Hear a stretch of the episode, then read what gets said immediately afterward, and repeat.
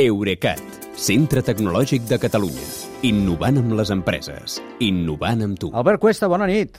Bona nit, Kilian. D'aquí a molt poca estona farà un quart de segle que Steve Jobs va presentar l'iMac.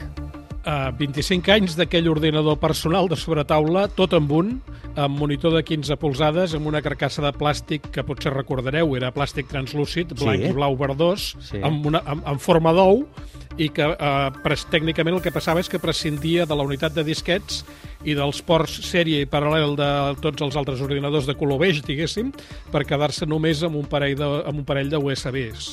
Uh, aquell iMac va ser el primer ordinador que Apple va treure al mercat després de la reincorporació de Steve Jobs com a conseller delegat, quan els accionistes que l'havien fet fora uns anys abans el van anar a buscar perquè salvés l'empresa.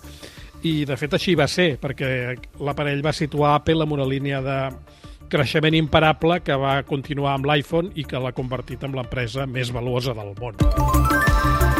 Aprofitem aquesta efemèride, sempre va bé, eh? per comentar els resultats trimestrals que Apple va fer públics just ahir, eh?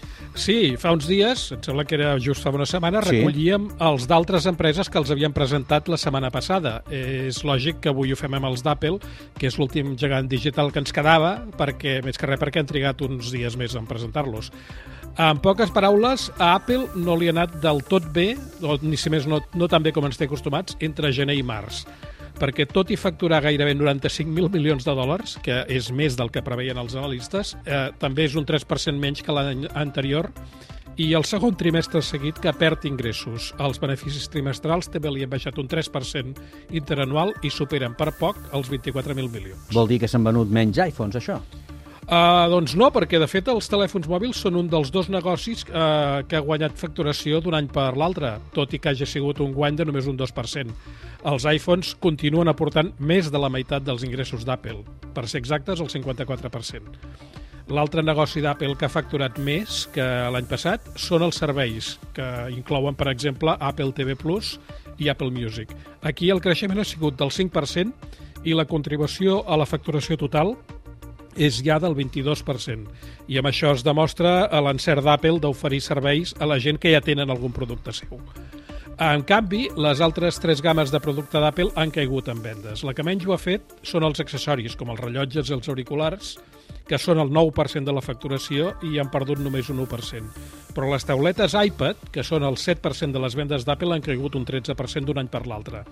I per lligar-ho amb el que dèiem al començar, els ordinadors Mac, o sigui, el producte original d'Apple, ja són només un 7,5% del negoci de la marca i en un any han caigut més d'un 30%. De fet, ja ens ho vens dient, que es venen menys ordinadors. Apple haurà de buscar nous segments, diguem-ne, de mercat, no? Potser les ulleres de, de visió de realitat virtual? Uh, pot ser. Uh, de fet, ho sabrem d'aquí un mes, quan, que és quan comença, just, just d'aquí un mes, quan comença la convenció anual d'Apple per creadors d'aplicacions. El que sí sabem ara és que Apple s'ha tornat a liar amb Google per una tecnologia molt concreta. Les dues empreses han presentat conjuntament una proposta d'estàndard que té a veure amb aquests botons o medallons Bluetooth que serveixen per rastrejar i per tenir localitzats objectes, com els AirTags de la mateixa Apple, els Smart Tag de Samsung i els de la marca Tile. En concret, aquesta tecnologia conjunta d'Apple i de Google el que volen evitar és que es puguin fer servir eh, per, per assetjar persones que és una cosa que està passant perquè hi ha gent que li posen un d'aquests accessoris a la bossa, a la roba o al cotxe sense que se n'adonin per tenir-los localitzats. Sí. I això, de la veritat, és que és bastant lleig. diguéssim. A, a, ara i els iPhones, de fet, ja t'avisen de que portes a sobre un AirTag que no és teu, per si pots bus- buscar-lo i neutralitzar-lo, però si el teu mòbil és un Android, has d'instal·lar una aplicació i no tothom ho fa. Amb el nou estàndard, qualsevol telèfon podrà detectar usos sospitosos dels localitzadors de qualsevol marca.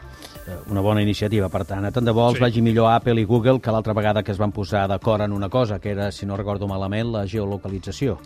Sí, eh, va ser eh, que, eh, amb la pandèmia va ser el protocol comú per a aplicacions de rastrejar contactes amb persones infectades de Covid eh, i tècnicament era impecable, però no va tenir gens d'èxit per la desconfiança de molts ciutadans, que és una desconfiança que jo en aquell moment ja ho vaig dir que em semblava injustificada, però què hi farem? A vegades sí, les desconfiances venen com venen.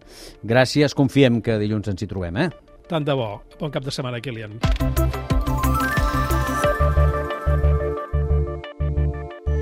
Eurecat, centre tecnològic de Catalunya. Innovant amb les empreses. Innovant amb tu.